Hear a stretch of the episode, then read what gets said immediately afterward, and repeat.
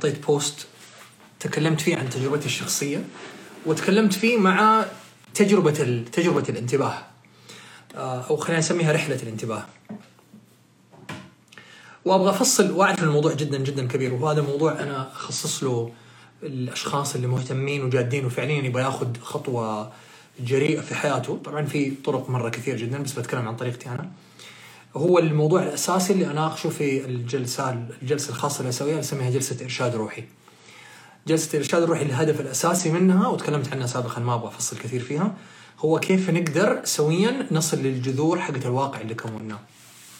ولما نتكلم إنه إحنا خلقنا واقع في حياتنا أو إحنا في حالة مستمرة من خلق واقع والواقع هذا سواء كان شيء عاجبنا أو غير عاجبنا مش مهم لكن الواقع هذا يوميا إحنا فيه يوميا إحنا فيه. نقدر نتعامل مع الواقع هذا بسطحية فقط من الخارج وناخذ له مسكنات وناخذ له أشياء تعديلات كذا بسيطة وناخذ له quick fixes اللي هي التصليحات السريعة أو نبحث فيه عن الحبة السحرية اللي تخرجنا تماما من الظلم اللي عايشينه ولا دور الضحية اللي بنلعبه ولا عدم وجود الشريك الحياة المناسب ولا الاضطهادات اللي بتحصل لنا في حياتنا أو ممكن نقدر نتعامل معاه بأنه إحنا نقدر نرجع للجذور. فنرجع لجذور المسببات اللي خلت هذا الواقع يتكون في حياتنا. فكرة الوصول للجذور ما هي سهلة لكنها ممكنة. وما هي بسلاسة إنه أتعامل فقط مع مع الأعراض الخارجية. طيب أبغى أدخل كذا مباشرة في الموضوع من غير من غير مقدمات أكثر. و... وأبغى أدخل في التفاصيل لأنه بالنسبة لي موضوع أنا أخذني وقت مرة طويل عشان أقدر أستوعبه. ومو معناته إنه لازم ياخذ وقت طويل. هي ليست مسألة وقت بل مسألة وعي. في الوقت اللي أنا بدأت فيه أستيقظ في حياتي وأقدر أعرف إيش الواقع اللي أنا فيه. ما أتوقع كانت في كان في الكم المهول من الناس اللي بيقولوا الكلام اللي بنتكلم عنه اليوم. ما كان في الريسورسز والكتب والمحاضرات والدورات وكان الأدوات وال videos على يوتيوب وعلى SoundCloud وعلى والناس اللي بتقدم برامج اللي تتكلم عن هذه اللغة. كان في ناس قلة اللي يتكلموا عن الوعي بطريقة مختلفة منهم مثلا الدكتور صلاح الراشد منهم مثلا ديباك تشوبرا وين داير ايكارت تولي ناس كذا كثير اللي يعطيك كذا كلام يهز.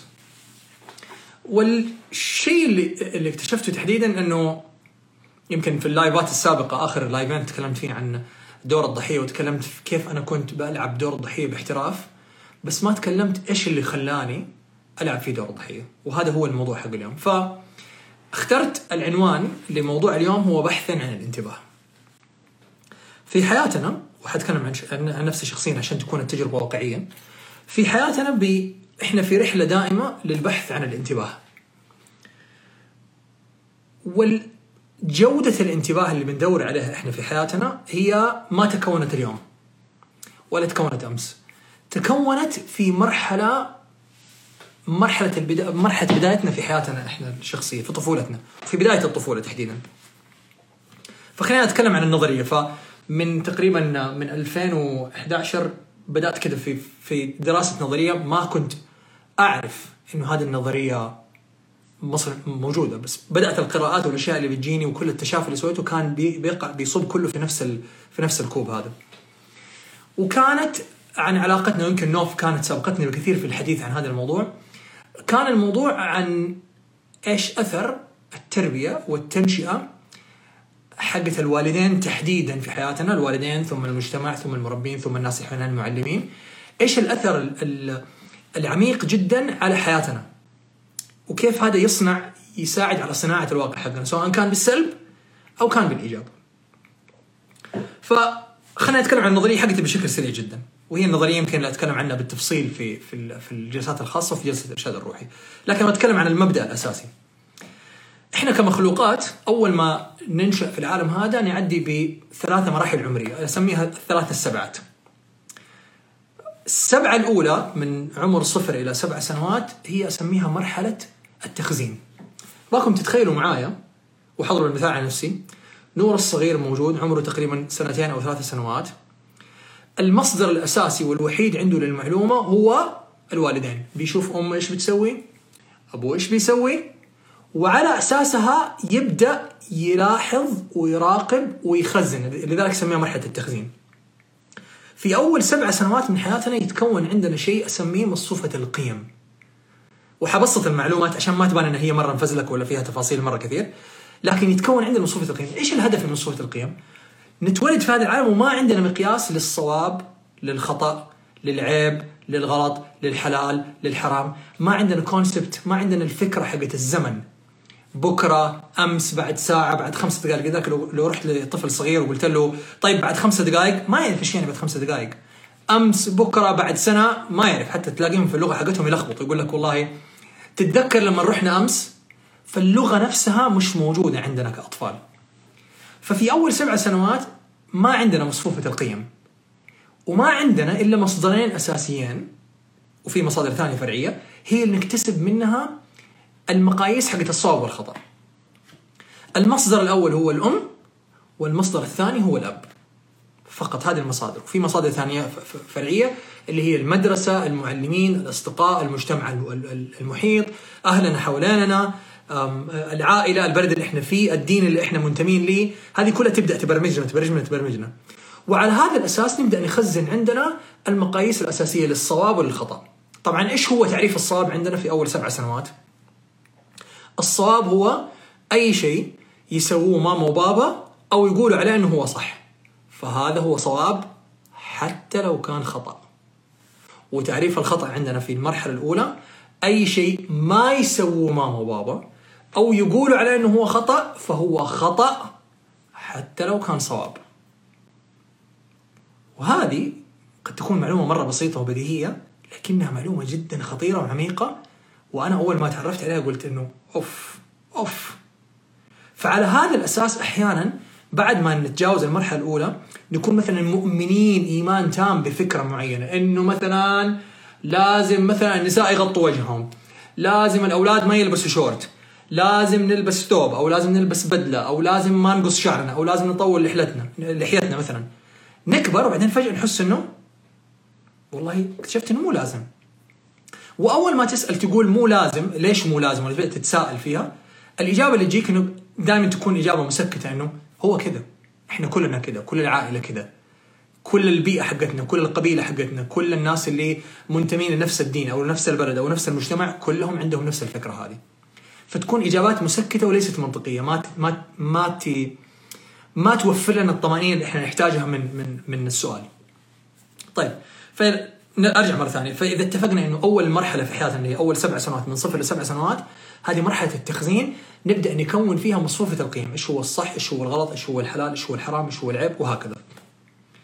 أول ما ندخل المرحلة الثانية اللي هي السبعة الثانية تقريبا من عمر 7 إلى 14 سنة نبدأ في مرحلة ثانية اسمها مرحلة التساؤل. هذه مرحلة حقت اللقافة اللي نكون فيها كأطفال عندنا لقافة. ليش ماما لازم ننام الساعة 9 ليش لازم نذاكر؟ ليش لازم نروح المدرسة؟ ليش لازم نروح بيت ستي يوم الجمعة؟ ليش لازم نصحى بدري؟ ليش لازم نصلي؟ ليش لازم نصوم؟ ليش لازم عندنا تساؤلات تساؤلات تساؤلات. وكل تساؤلاتنا هي تساؤلات في المرحلة الثانية اللي هي من 7 ل 14 كل تساؤلاتنا هي محاولة لزعزعة المبادئ اللي خزناها في مصفوفة القيم في السبعة الأولى. كل الأشياء اللي خزناها في داخلنا ما إحنا متأكدين منها فنبدأ نسأل نسأل نسأل نسأل. وعلى حسب تعامل الوالدين معنا في هذه المرحلة. فلو كانوا الأب والأم في كل مرة نسأل سؤال يتعاملوا معنا باللطف. يقولوا والله ليش لازم الساعة 9 عشان تحتاج 12 ساعة نوم فيجاوبوني على أسئلتي بإجابات شافية. هذا يصقل شخصيتي بطريقة. وكل ما كانوا الأب يكون الوالدين يكونوا العكس. فكل ما أسأل سؤال خاصة الأسئلة الوجودية الكبيرة فين هو الله؟ طب ليش موجود؟ ليه ما نقدر نشوف الأسئلة هذه اللي يسألوها الأطفال؟ كل ما نبدأ نطرح هذه الأسئلة ونواجه بالقمع من قبل الوالدين برضو شخصيتنا تصقل بشكل بشكل آخر. ففي المرحلة الثانية اللي هي من عمر 7 ل 14 سنة مرحلة التساؤل هذه المرحلة الكريتيكال المفصلية اللي تبدأ فيها تتكون عندنا واحد من شخصيتين. يا إما تعزز عندنا شخصيتنا الحقيقية شخصية نور الحقيقية الشغف الحقيقي حق نور يبدأ يطلع أو تقمع فيها شخصيتنا الحقيقية ونكتسب شخصية أسميها الشخصيه الزائفة هي واحد من أربع خيارات أو كوكتيل منهم. يا حأسير مثل الأم أو عكس الأم تماما. أو مثل الأب أو عكس الأب تماما. أو كوكتيل من الأربعة هذول. وحدي حضروا مجموعة أمثلة بعد ما أتكلم عن السبعة الثالثة. تمام. فاتفقنا. من صفر لسبع سنوات هذه مرحلة التخزين. نبدأ نخزن فيها معلوماتنا وقيمنا وايش الاشياء اللي مؤمنين بها. ونكون فيها مصفوفه القيم ندخل على السبعة الثانية من 7 ل 14 سنة. نبدأ نكون آه، هذه المرحلة اسمها مرحلة التساؤل. نبدأ نتساءل فيها عن الأشياء اللي خزنت في داخلنا. أول ما ندخل للسبعة الثالثة اللي هي من عمر 14 إلى 21 تقريبا هذه المرحلة أنا أسميها مرحلة التمرد. حنتمرد فيها بخيارين. يا إما نتمرد فيها على الوالدين فنكون تماما مختلفين عنهم أو نتمرد فيها على ذاتنا الحقيقية ونصطنع ذات زائفة ونصير جدا نشبه الوالدين يا بالمثل أو بالعكس. حضر مثال سريع عشان ما أعقد الأمور. هذا المثال اللي دائما أضربه خاصه في الجلسات الخاصة. فلان من الناس. ابوه كان خلينا نقول بنت ولد. أبوهم كان جدا جدا جدا جدا بخيل. وكان يواجه أبنائه بالقمع. لما يكبروا هذول الأبناء حيكونوا واحد من خيارين. يا إما حيكونوا بخلاء زي أبوهم بالتمام أو حيكونوا مسرفين عكس والدهم تماما. كما لو كان في هذيك الفترة بيتساءلوا في داخلهم في واحد يتساءل يقول ليه بابا قد كذا بخيل؟ أنا لما أكبر حأخذ عهد على نفسي إنه حأكون عكس بابا تماما فحأكون ما حيكون كريم. الكرم مرحلة اتزان حأكون جدا مسرفة. فحأضيع كل فلوسي وحأدخل في كريدت كاردز وفي ديون وحأخذ قروض من بنك وحستلف من هذا ومن هذا وحدخل نفسي في مشاكل مالية مرة كثير عشان أعوض الحرمان اللي أنا كنت فيه لما كنت لما كنت صغير. طبعا وش الشيء الأساسي اللي اللي يخلينا نسوي هذا هذا الشيء؟ هي عبارة عن ردة فعل لتجربة الطفولة اللي كانت عندنا. يمكن الكلام هذا يمكن في ناس يقول لك لا والله ما هو منطقي، لكن لو تفك لو تفكرنا فيه حديكم تمرين جدا سريع. ابغاكم تستذكروا ثلاثة صفات موجودة فيكم تكرهوها تماما. وخليني أضرب كذا أمثلة. واحد خلينا نقول إنه على سبيل المثال مثال اعتباطي كذا ما هو واقعي، أنا أكره في نفسي مثلا صفة البخل. وأكره في نفسي مثلا صفة الانطواء. وأكره في نفسي آه، صفة مثلا الذم في الآخرين المحشات والغيبة فهذه ثلاثة صفات. هذه الخطوة الأولى من التمرين. اسرد ثلاثة صفات أنت تكرهها في ذاتك. جميل سردناها. سؤال هذه الثلاث الصفات موجودة عند مين مثلها تماما؟ عند أمك ولا عند أبوك؟ أو عكسها تماما موجود عند مين؟ فلو كان عندك صفة ال... ال... على سبيل المثال قلت الإسراف فمين من والديك إما كان مسرف فتشبهت به أو كان جدا جدا آه، بخيل فقلت قررت إنك تكون عكسه. لو كنت أنت من الناس اللي مثلا ما تعرف تعبر عن مشاعرك مي أو أو حساس شكرا اللي قال حساس. أو تكون جدا مرهف الحس ومره حساس وأي شيء يبكيك وأي شيء. مين من والديك؟ إما كان جدا حساس أو كان جدا كتوم وعيب عنده التعبير عن المشاعر. بس يا ولد بس يا بنت إحنا عندنا ما حد يبكي. إحنا عندنا ما حد يدمع ينزل دمع. حتبكي؟ روحي في الزاوية هذيك خلص البكا وبعدين تعالي فحنكتشف إنه وهنا هنا نقطة مربط الفرس غالبية الصفات اللي إحنا ما نحبها في نفسنا هي إما اكتسبناها كردة فعل. صرنا مثل والدينا أو تمردنا عليهم وصرنا عكسهم تماما. والسؤال هو ليش سوينا كذا؟ وهذا هو عنوان اللقاء حق اليوم. سوينا كذا لسبب واحد فقط أساسي هو بحثا عن الانتباه. خليني أرجع مرة ثانية كذا بالزمن.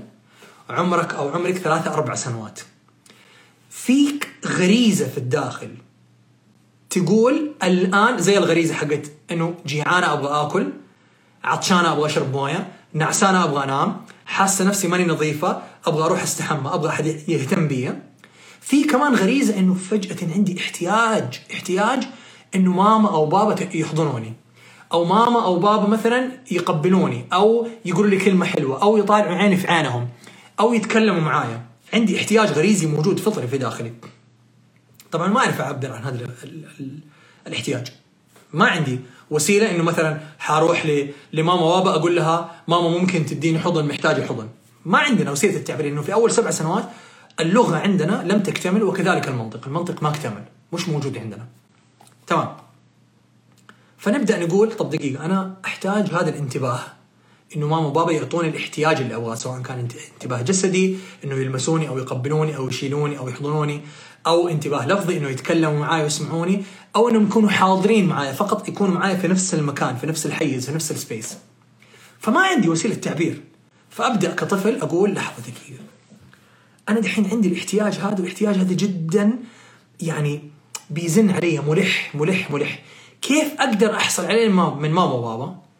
وهنا نبدأ نكتشف في سن الطفولة ال- ال- في المرحلة الأولى من الطفولة أول سبع سنوات نكتشف تكنيك خطير. التكنيك هذا يقول التالي. يقول يا نور يا اللي عمرك ثلاث سنوات يا فلانه لو يا اللي عمرك أربع سنوات لو كنت محتاجة نوع معين من أنواع الانتباه بتبحثي عنه بشكل فطري وما قدرتي تاخذيه خلينا نقول انه هذا الانتباه تبغيه من ماما أو تبغيه من بابا. حاولي تقلدي أمك وأبوك في أفعالهم في أقوالهم في ردودهم في أسلوبهم في طريقتهم. لأنه لو قلدتيهم وصرتي تشبهيهم في احتمال جدا عالي إنه حيعطوك هذا الانتباه ويصير يحبوك أكثر. ونبدأ بطريقة لا واعية هنا تبدأ تتكون الم- ال- ال- المصفوفة حقت القيم. نبدأ نشوف زي ما ماما تسوي ماما تزعق نزعق زيها. بابا يضرب نضرب زيه. واحد منهم يكون زعلان يشيل الاشياء ويشيل كوب مثلا كذا ويرميه يكسره في الجدار. فأقوم آخذ ألعابي واكسر في الجدار. ليه نسوي كذا ليش نقلدهم؟ على أمل إنه لما ماما وبابا يشوفوني يقولوا يا الله شوفوا كيف بنتي مرة كيوت تسوي زي مامتها تعصب تزعق تسوي تصرخ زي مامتها أو إنها تحب الطبخ زي مامتها. وهكذا. فنبدأ نت- نتقلد بصفاتهم على أمل إنه لما. على أمل إنه كنا يقول شوفوني شوفوني أنا مرة أشبهك ماما أنا مرة أشبهك بابا. هل ممكن تحبني الآن؟ ممكن تحبني؟ بليز ممكن تعطيني حب؟ ممكن تعطيني انتباه؟ نستجديهم للحصول على الانتباه. عارف إنه يمكن في بعضكم بيضحك بيقول إيش الكلام هذا ويمكن بقوله بأسلوب ساخر ولا بأسلوب مضحك لكن هذه حقيقة خطيرة جدا. لكن فأول ما نبدأ نكتشف هذا التكنيك إنه لو تشبهت بماما وبابا في احتمال أكبر إن هم يحبوني أبدأ أرث منهم بطريقة لا واعية طريقتهم في الحياة. فيعدي بنا الزمن ويصير عمرنا مثلا نعدي ال 21 سنة نعدي السبعة الثالثة من حياتنا. وإيش نسوي؟ نقول والله كثير ناس يقولوا علي أنا مرة طالع الماما. أو أنا عندي أنا أنا كده أنا كده كبرت وأنا مرة يعني خلقي مرة ضيق ولا أنا مرة أصرخ بصوت عالي ولا أنا مرة أعصب. لا أنت مو كده. وأنت مو كده. أنت تبرمجت على كده لأنه أنت كنت تقلد أمك وأبوك في الطفولة بطريقة لا واعية. وفجأة كبرت كنت تعتقد اعتقاد جازم إنه هذا الصفة اللي موجودة فيك اللي في الغالب أنت ما تحبها في نفسك. هذه الصفة هي ليست صفتك. هي صفة ورثتها من أمك وأبوك من في 21 سنة كأنه واحد شابك فيك سلك وبيبرمجك. عند الغضب سوي كذا عند الزعل سوي كذا عند الفرح سوي كذا لما تكون جيعان تسوي كذا لما تكون زعلان ما تعبر عن مشاعرك أو تعبر عن مشاعرك بزيادة أو وهكذا. فيبدأ يكون عندنا مجموعة من التقنيات اللي ورثناها من أمنا وأبونا بطريقة لا واعية ونبدأ نستمر نستمر نستمر يعني نعيد ونزيد فيها على أمل إنه الحب حتى لما نكبر ها نستمر فيها حتى لما نكبر على أمل إنه نعوض النقص المشاعري اللي ما أخذناه منهم في الطفولة. فالنقص المشاعري هذا فاضي كأنه معايا كوب والكوب هذا لم يملأ فأفضل الطفل الصغير في الداخل الطفل الداخلي ماسك الكوب أنا دحين عمري 40 سنة فلسه الطفل الصغير اللي في داخلي يروح لماما يقول لها ماما ممكن تحبيني الآن؟ ممكن تحطي لي نقص المشاعر اللي عندي؟ فالأم تقول ما ححط لك شيء ما أبغى. فأروح وأبحث عن هذا النقص المشاعر اللي أحتاجه من أمي وأبويا أبحث عنه عند الآخرين. أبحث عنه عند شريك الحياة عند شريكة الحياة عند زملائي عند أصدقائي عند علاقات متكررة. النقص المشاعري حق الطفولة هذا أبدأ أبحث عنه في أماكن أخرى. لأنه لم يتم تلبيته لي أنا لما كنت في طفولتي. وهنا المشكلة الأساسية. طبعا المعلومة هذه تخلي الواحد يبدأ ين- يتنور ي- يعني يتساءل يقول هل الصفات السلبية اللي موجودة عندي هل هي فعلا طبع فطري موجود فيا ولا زي ما يقول المثل العربي القديم يقول لك إنما الطبع بالتطبع. طب أنا على أي كيف اكتسبت الطبع هذا؟ اكتسبت الطبع هذا من 21 سنة مراقبة لأمي وأبويا والمجتمع من حولي كيف بيخزن ردود أفعاله. أبويا لما كان يعصب كان يلكم الجدار أو يكسر في البيت. أكبر وأتجاوز عمر ال 21 سنة وأصير لما أعصب أكسر الأشياء. وما انتبهت إنه هذا زي أبويا وهذه ما هي مدحة إنه أنت صرت تشبه أبوك أبدا ليست مدحة هو أول ما أقول لحظة ليش أنا أشبه زي أبوي؟ إذا أنا أشبه أبوي أو أشبه أمي في هذه الصفة في احتمال مرة كبير إنه هذه الصفة ليست صفتي الحقيقية، ليست صفتي الأصلية، هي صفة زائفة اكتسبتها من مشاهدة، من مراقبة لأمي، لأبوي، للناس اللي حولاني. وهذه خلينا نبدأ نقول إنه إذا أنا هذه الصفة موجودة عندي وما زلت بكررها وردة أفعالي للواقع وللمواقف اللي بتصير ما زلت بكررها إيش الهدف اللي بكررها منه؟ ما زال السؤال الإجابة هي ما زال الطفل اللي في داخلي كأنه كذا إيش حقول الكلمة العامية؟ بيبرطع. ما أبغى ما أبغى حبوني الآن أعطوني المحبه أعطوني الشيء اللي أحتاجه. ما زال زعلان. ما زال زعلان. وما زال عنده أمل إنه هل لما أجيب الماجستير هل ماما حتحبيني؟ طب خلصت الماجستير. هل لو جبت الدكتوراه فلنفترض إن الأم أو الأب كانوا في في مرحلة الطفولة ما يفرق معاهم. ما يعطون الانتباه والله لو إيش سويت؟ طول الوقت يقول والله انت مرة فاشلة. شوفي كيف بنت عمك أحسن منك مليون مرة. شوف ولد عمك ما شاء الله دكتور وممتاز فيصير عندنا نبدأ نحدد أهداف في حياتنا إنه هل لو صرت دكتور يمكن ما بيحبني فابدا اصير دكتور وأنا أصلا في داخلي نور الحقيقة أبغى اكون فنان أبغى اكون كاتب أبغى اكون مغني أبغى اكون ملحن أبغى اكون مدرس أبغى اكون مدرب أبغى اكون ميكانيكي أبغى اكون نجار ما يفرق إيش أبغى اكون بس أنا أصلا ما أبغى اكون طبيب أو ما أبغى اكون مهندس لكن شيء الاحتياج اللي في داخلي الكوب الذي الذي لم يملا في داخلي يقول بس انت لو صرت فنان تشكيلي ماما ما حتحبك ففي احتمال إنك لو صرت طبيب يمكن ماما وبابا يرضوا عليك ويقولوا يا سلام شوف ولدنا. ويبدأ هذه الحاجة عندنا تفضل مستمرة. نبدأ نبحث نبحث نبحث نبحث عن إنه كل مرة أخذ الشهادة أقول لي ماما شوفي جبت الشهادة حتحبيني الآن؟ فالأم والله كويس يعني ما شاء الله. وش إيش يقولوا؟ زي ما يقولوا يعني يقولوا عقبال الشهادة الكبيرة. طب تحبط الكلمة هذه إنه طب أنا جبت هذه الشهادة طب سعيت عليها مرة كثير بس عشان أبغى رضاكم. بس بعدين تقول عقبال الشهادة الكبيرة. طب جبت الشهادة جبت الماجستير جبت الدكتوراه. هل الآن am I good enough كأنك بتقول هل أنا الآن كويس؟ هل أنا شطور؟ هل أنا شطورة؟ هل أنا حلوة دحين؟ هل ماما حتحبيني والام تقول إيه يمكن أحبك ماني عارف. صراحة ماني متأكد. يمكن أحبك يمكن لا. بحثا عن الانتباه. والانتباه هذا متى كنا نحتاجه؟ كنا نحتاجه في الطفولة. فلما ندرك إنه الرحلة هذه لا منتهية وإنه معظم الأهداف اللي إحنا نبغى نسويها وال ولا ال- ال- الأشخاص اللي ارتبطنا بيهم والوظائف والبزنس اللي دخلنا فيها سويناها عشان شيء آخر سبب ما هو سبب حقيقي ما هو سبب يمثل جوهرنا سويناها عشان نبغى الانتباه من ماما وبابا من الانتباه اللي ال- النقص العاطفي المشاعري اللي عمره ما جانا اللي طول عمرنا في رحلة للبحث عنه في رحلة للبحث عنه. وهذا يخلينا إيش؟ وهذه النقطة اللي قلتها سابقا. يخلينا نقول أنا بشخصيتي الحقيقية ماما ما حتحبني. فخليني أتنازل عن من هو نور الحقيقي وأبدأ أكتسب شخصية مزيفة تشبه أمي أو عكس أمي تماما تشبه أبويا أو عكس أبويا تماما على أمل إنه أنا إذا صرت مثلهم ولا عكسهم يمكن يحبوني. فليه بقول مثلهم ولا عكسهم لسببين لأنه لما وحقول معلومة شوية يمكن صادمة وحتكون يمكن يعني تضايق. لكن وحضربها في مثال في مثال في مثال صغير. لما نكون أطفال في المرحلة الأولى في أول سبع سنوات من حياتنا فقلنا هذه المرحلة هي البحث عن الانتباه.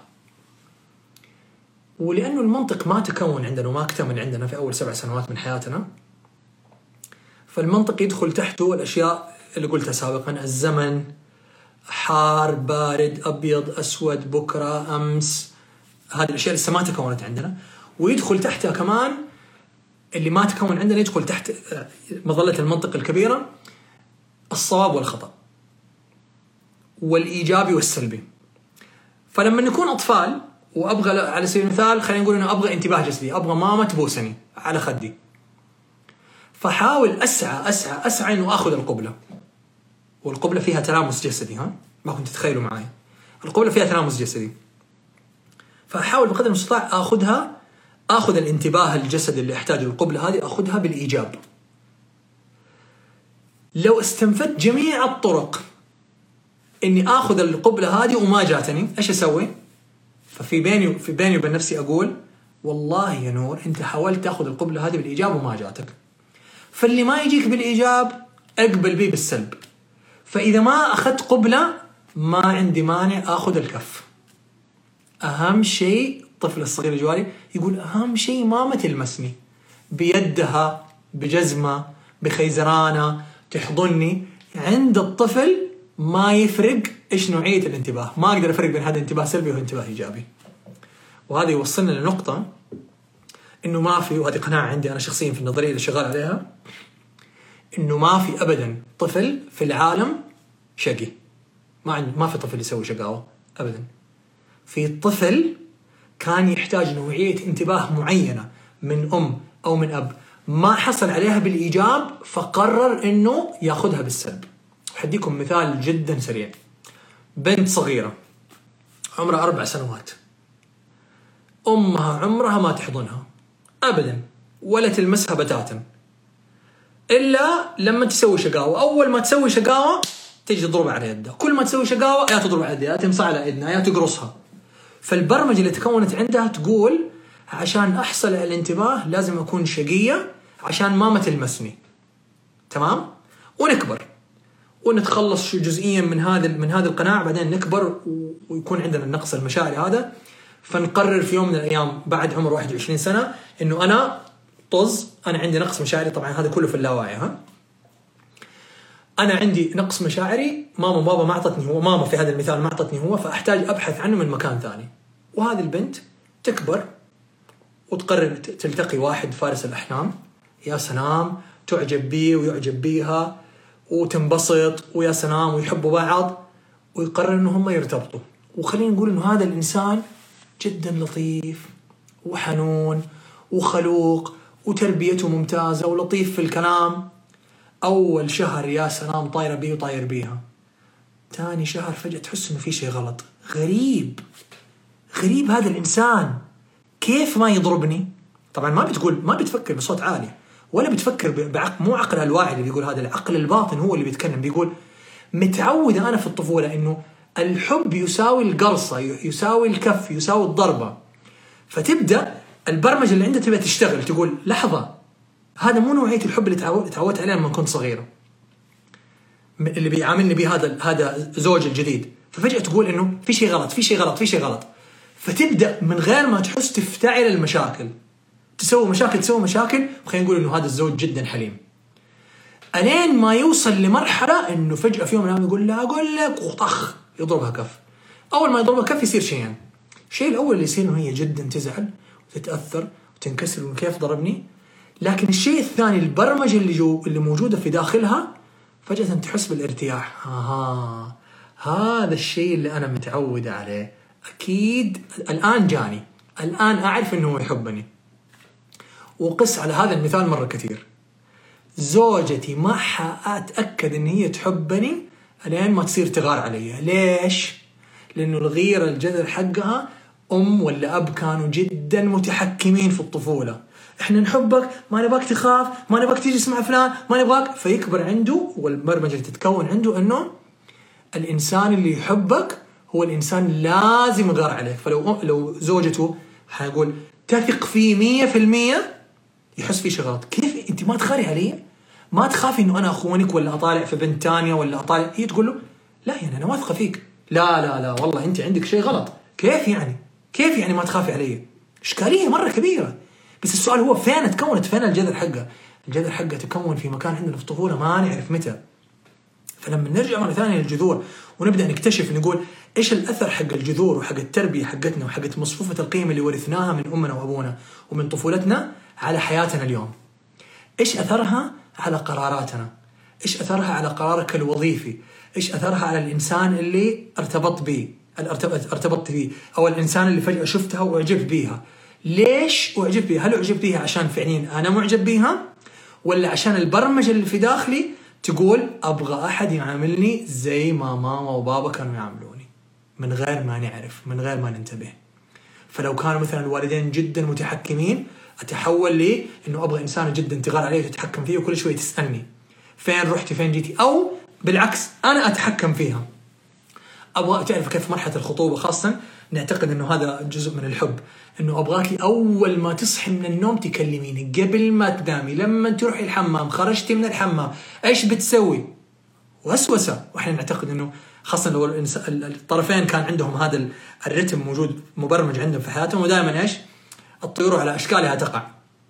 فلو سقطوا هذول الطيران على أشكال بعض فجأة نبدأ ننتبه إنه واو يعني ترى هذا ما هو حب هذا شيء ثاني. بس أنا ما عمري انتبهت انه هذا شيء ثاني فنبدأ يكون عندنا تساؤلات مرة كثير. ونبدأ نسأل السؤال السؤال الوجودي الكبير. يا ترى إذا كانت هذه البرمجة تبرمجت عليها وأنا طفله صغيره وإذا كان هي هذه طريقتي للبحث عن الانتباه لما كنت صغير كيف طريقة البحث عن الانتباه كبرت معي لهذا اليوم؟ كيف أنا ببحث عن انتباه سلبي بدل ما أحصل على الانتباه الإيجابي. كيف أنا بأستجدي الشخص الثاني أنه يحبني بطريقة سلبية أو عنيفة أو سيئة من غير ما أنتبه ومن غير ما أحس؟ فليش دائما يكون عندي وسيلة يعني ولا سلسلة طويلة جدا للبحث عن الانتباه السلبي السلبي السلبي السلبي السلبي طول الوقت عندي ركض وراء هذا الانتباه. بحث بحث بحث عن الانتباه اللي مو شرط دائما يخدمني ومو شرط دائما يخدم الرحلة حقتي.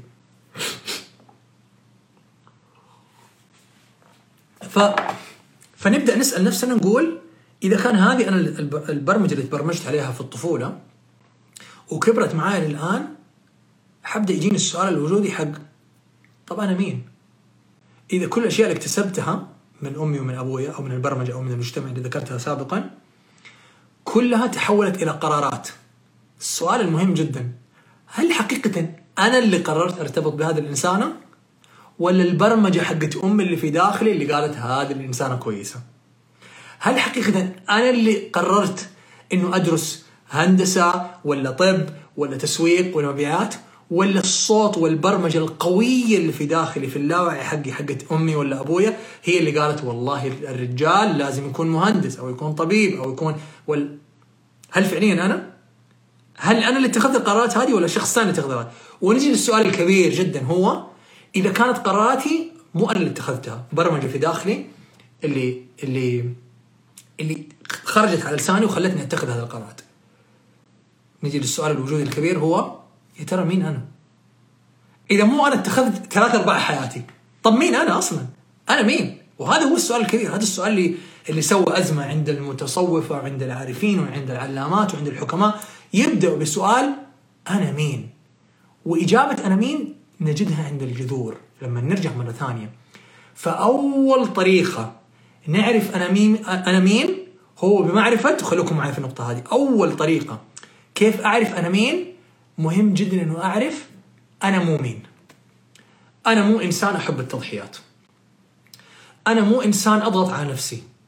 أنا مو إنسان أحب الذم والمحشات في الآخرين. هذه كلها صفات اكتسبتها من جراء مراقبة أمي وأبويا أو المجتمع المحيط بي لما كنت صغير في أول سبع سنوات. أنا مو إنسان وما بتكلم عن كلام والله.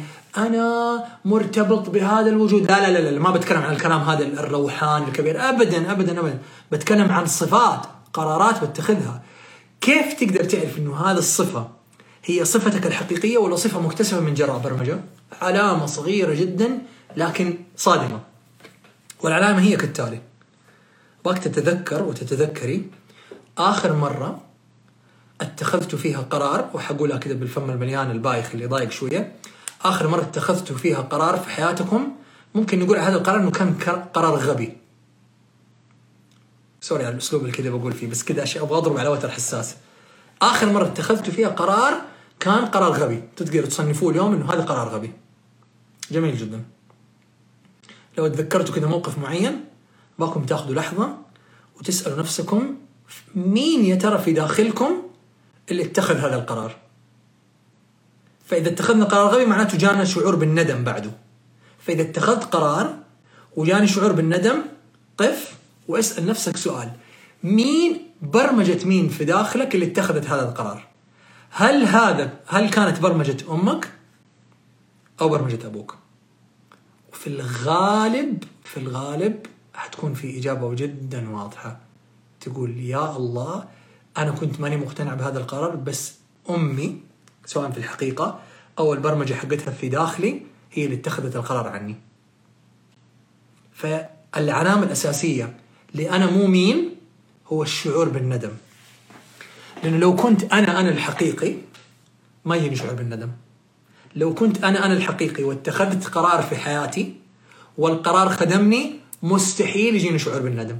ما يجيني شعور بالندم إلا إذا كان في شخص ثاني سواء خارجيا ولا داخليا متبرمج جوتي يبدأ يزن على راسه يقول لي نور قرار كلام فاضي اللي أنت بتقوله هذا كله كلام فاضي. والله ال business ما يأكل عيش. خليك شوف كيف أبوك شوف أمك شوف جدك شوف أنه. فصوت الصوت يبدأ يزن يزن يزن يزن. برمجة برمجة قوية جدا يعني عجيبة. فجأة تخلينا نقول يعني ننسى تماما صوتنا الحقيقي صوت الروح اللي جوانا ونقول حسمع كأنه الحوار الداخلي يقول ما حسمع كلام الأنا النور الحقيقي اللي جوا حسمع كلام البرمجة حقت أمي وحقت أبوي. وبعد ما اتخذ القرار أخذ خطوة أحيانا بأيام أحيانا بساعات أحيانا بشهور أحيانا بعد سنوات أبدأ أقول لما يجيني شعور بالندم أقول أخ. أول كلمة نقولها إيش بعد ما يجينا الندم؟ نقول آه. والله كان قلبي حاسس. كان قلبي حاسس. بس عقلي بين قوسين البرمجة حقت الوالدين هي اللي قالت لي اس ولا كلمة. بلا قلب بلا كلام فاضي. العيلة كلها بتسوي زي كذا هذا اللي انت حتسويه. كل بنات العيلة عندنا يسووا كذا كل أولاد العيلة عندنا يسووا زي كذا فلا تتفلسفي علي وتقولي وتعملي. خلاص هو كذا ونقفل على صوت النداء الداخلي وال الحقيقة اللي في داخلنا وصوت الروح ونقول انتهى الموضوع. ونعض على اصبعنا العضه هذيك القوية اللي يكون فيها شعور بالندم. في كل مرة حرجع اعيد مرة ثانية العلامه الأساسية إنه هذا الصفة اللي اتخذت بها هذا القرار هي لم تكن صفتي ولم يكن لم يكن قراري هو إنه الصوت الداخلي اللي جواتي اللي اتخذ القرار ما كان أنا. والعلامة الأساسية هي الشعور بالندم.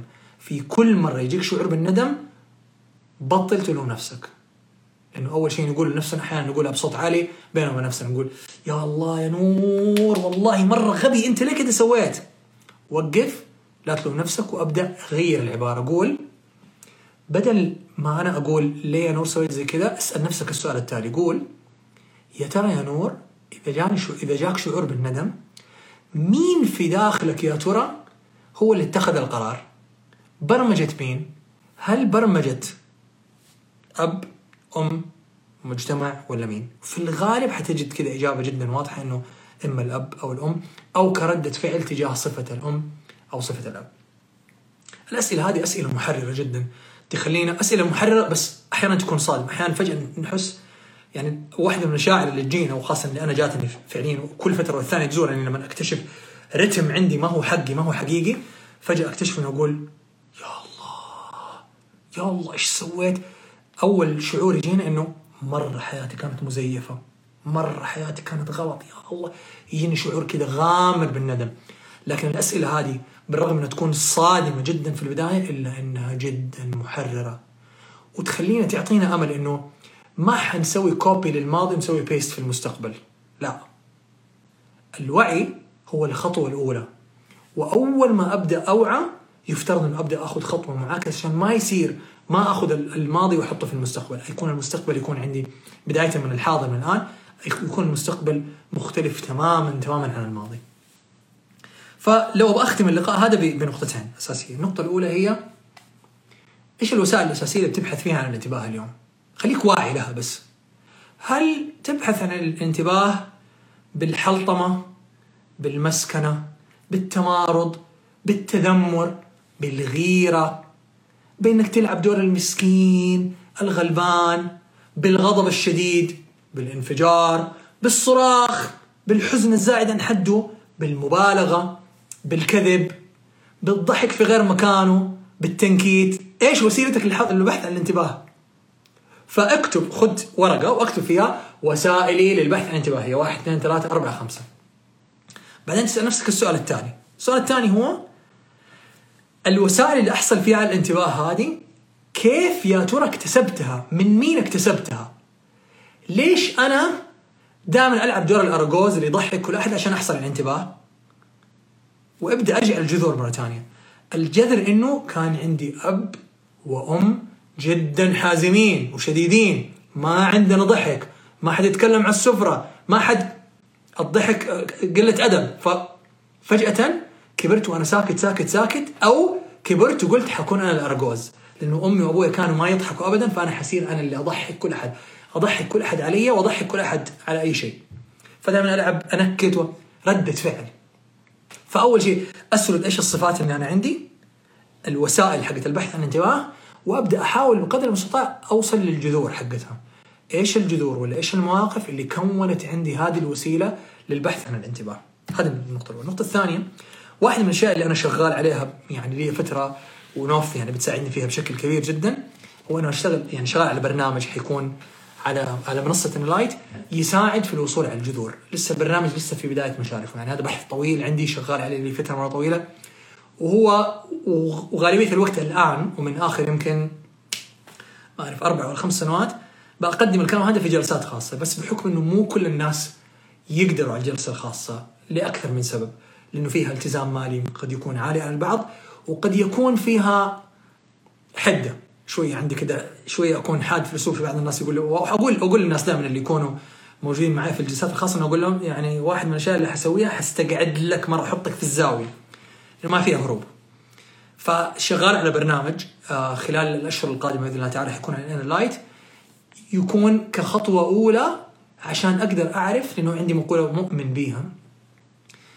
المقولة تقول التالي تقول ما أقدر أتشافى من شيء ما أعرف إيش هو. فمن الحوار حق اليوم فجأة يمكن يبدأ يجينا يزورنا الوعي بطريقة مختلفة نقول آها والله صح. في قرارات كثيرة اتخذتها في حياتي ما كانت أنا. تمام جميل جدا. ما كان إذا ما كانت أنا معناته كانت مين؟ كانت أمي. معناته إيش في أمك؟ أمك الصفة الفلانية. هذا الصفة اللي اكتسبتها من أمي أحتاج أتشافى منها. هنا هنا الآن تبدأ رحلة التشافي الحقيقية. تب يبدأ الوعي الإدراك بعدين أبدأ آخذ خطوة فثانية فثالثة. طيب حقول نقطة أخيرة.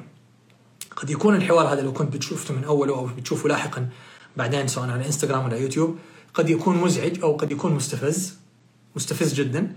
لو كان مزعج أو مستفز ابغاك تحط احتمالية إنه هو أزعجك واستفزك إنه ضرب على وتر جدا حساس عندك أو عندك. فلو استفزك كلام اليوم please لا تهرب.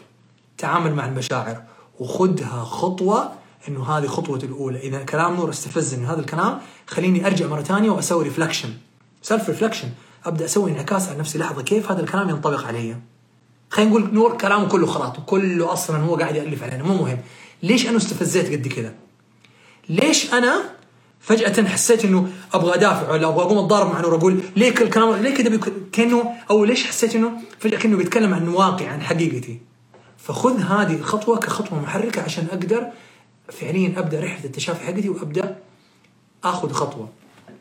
البرامج الموجوده عندنا على انر لايت سواء كان برنامج نوف حق التشافي الذاتي برنامجين اثنين آه، برنامج معادله الاستحقاق ولا برنامج افهم خوفك الجديد كلها تحط حجار الأس... حج... يعني أحجار الأساس عشان الواحد يبدأ رحلة التشافي الحقيقية. وقريبا بإذن الله تعالى شغالين على مجموعة برامج بما فيهم برنامج الجديد اللي لسه ما أطلقت عليه اسم معين حيساعد إلى الوصول إلى الرتمات هذه الواحد يقدر يبدأ ياخذ خطوة. يعني كلام كان من القلب وأتمنى يكون وصل إلى القلب. قد يكون كذا مشحون بس من الحماس وهذه كذا القضية اللي أنا مرة مؤمن بها كذا احس إنه الدافع الأساسي حقي وكيف كسر البرمجة المجتمعية. خاصة البرمجة اللي إحنا ورثناها بطريقة لا واعيه من غير ما من غير ما ننتبه. آه شكرا جزيلا جدا على حضوركم. لو كنت بتشوفوا هذا الفيديو على إنستغرام لا تنس تشترك في في آه، تتابع الحساب حقي. لو كنت بتشوفه على يوتيوب أو تسمع على SoundCloud على بودكاست حتلاقوا كل المحتوى موجود عندي. لو كنت بتشوفه على يوتيوب اشترك في القناة فعل التنبيهات. اسبوعيا اللي حطيته عهد على نفسي اسبوعيا حنزل محتوى جديد. أبغى أوصل الرسالة حقتي شخصيا اللي أنا مؤمن بها اللي أنا ونوف مؤمنين بها سويا لأكبر قدر ممكن من الناس. من مكان حب للذات ممكن آه، من مكان شغف وهذا اللي أتمنى إنه هو دائما يوصل. شكرا جزيلا لكم على الحضور على طول الاستماع. هذا الفيديو حيكون موجود على إنستغرام آه، على IGTV وبإذن الله تعالى قريبا خلال نهاية الأسبوع حيكون موجود على يوتيوب أيضا. أتمنى لكم يوم وليلة سعيدة. من أي مكان كنتوا بتشوفوني فيه وأشوفكم بإذن الله تعالى بألف خير.